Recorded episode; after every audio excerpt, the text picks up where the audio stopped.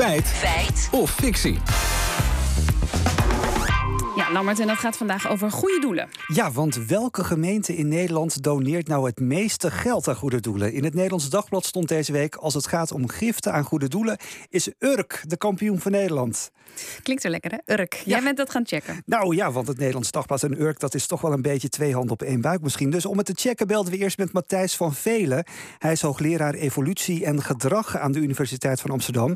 Ik vroeg aan hem waarom mensen überhaupt eigenlijk doneren aan goede doelen. Wij zijn geëvolueerd om ons het lot van anderen aan te trekken. En dat uit zich soms door eh, goede doelen, omdat dat eh, een manier is om ja, uiting te geven aan je gevoel dat je andere mensen graag wilt helpen. Nou, dat helpen bestaat dan uit het geven aan een goed doel. Mensen zijn dus van nature altruïstisch. Maar er zijn wel grote verschillen tussen mensen, toch? Kijk maar naar jou en mij. Ja.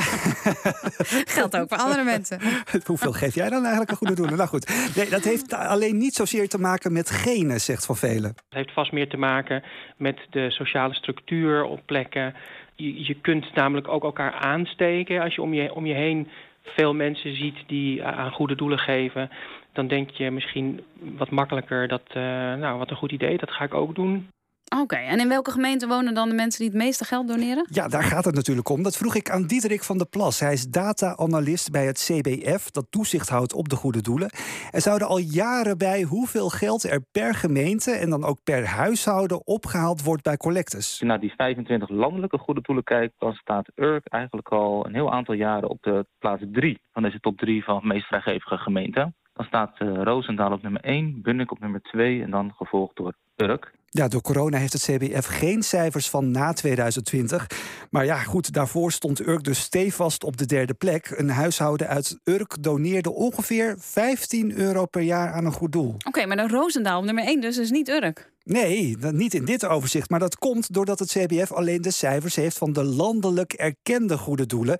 En er zijn natuurlijk ook kleine regionale goede doelen. In Urk is er één goed doel actief. Interkerkelijke stichting Ethiopië-Eritrea. Die eigenlijk elk jaar als traditie heeft om op kerstdag een grote collecte te houden in Urk. En daar wordt een hele hoop geld aan gegeven door de Urkers. En dat ging in 2019, nog uh, voor COVID, dat zijn de meest betrouwbare cijfers, om 93.000 euro. Dat is een hele hoop geld als je ook bedenkt dat er in Urk zo'n 21.000 mensen wonen. Ja, als deze donaties ook meegenomen worden in de telling, ja, dan zijn Urkers dus nog gullere gevers. En waarom doneren ze dan zoveel geld in Urk? Hoe kan dat dan? Ja, daarover belden we even met Jacob Willem de Boer. Hij is journalist en geboren en getogen Urker. Urk is natuurlijk een heel gelovig dorp. En het past heel erg bij het christelijke karakter dat je ook goed bent voor de naaste mensen. Ook de mensen die het wat minder hebben. En vanuit daar uh, wordt er veel aan goede doelen gegeven. Er zijn ook heel veel Urkers die zich inzetten voor het goede doel. Wij geven niet heel snel echt aan de grote organisaties. Dus heel erg van, heel veel Urkers gaan bijvoorbeeld naar het buitenland toe om uh, kerken te bouwen.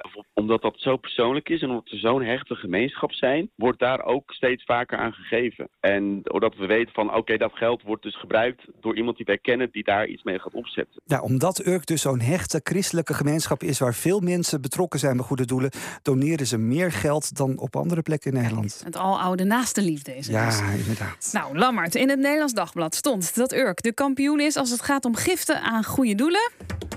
Feit of fictie? Nou, in het collecteregister van het CWF staat Urk dus al jaren op de derde plek. Maar op Urk doneren ze vooral veel geld aan plaatselijke goede doelen. Zoals de interkerkelijke stichting Ethiopië-Eritrea. Daar halen Urkers elk jaar zo'n 100.000 euro voor op. En als die donaties ook meegenomen worden, ja, dan kan er inderdaad wel gezegd worden dat Urk de kampioen is van Nederland. Het is dus een feit.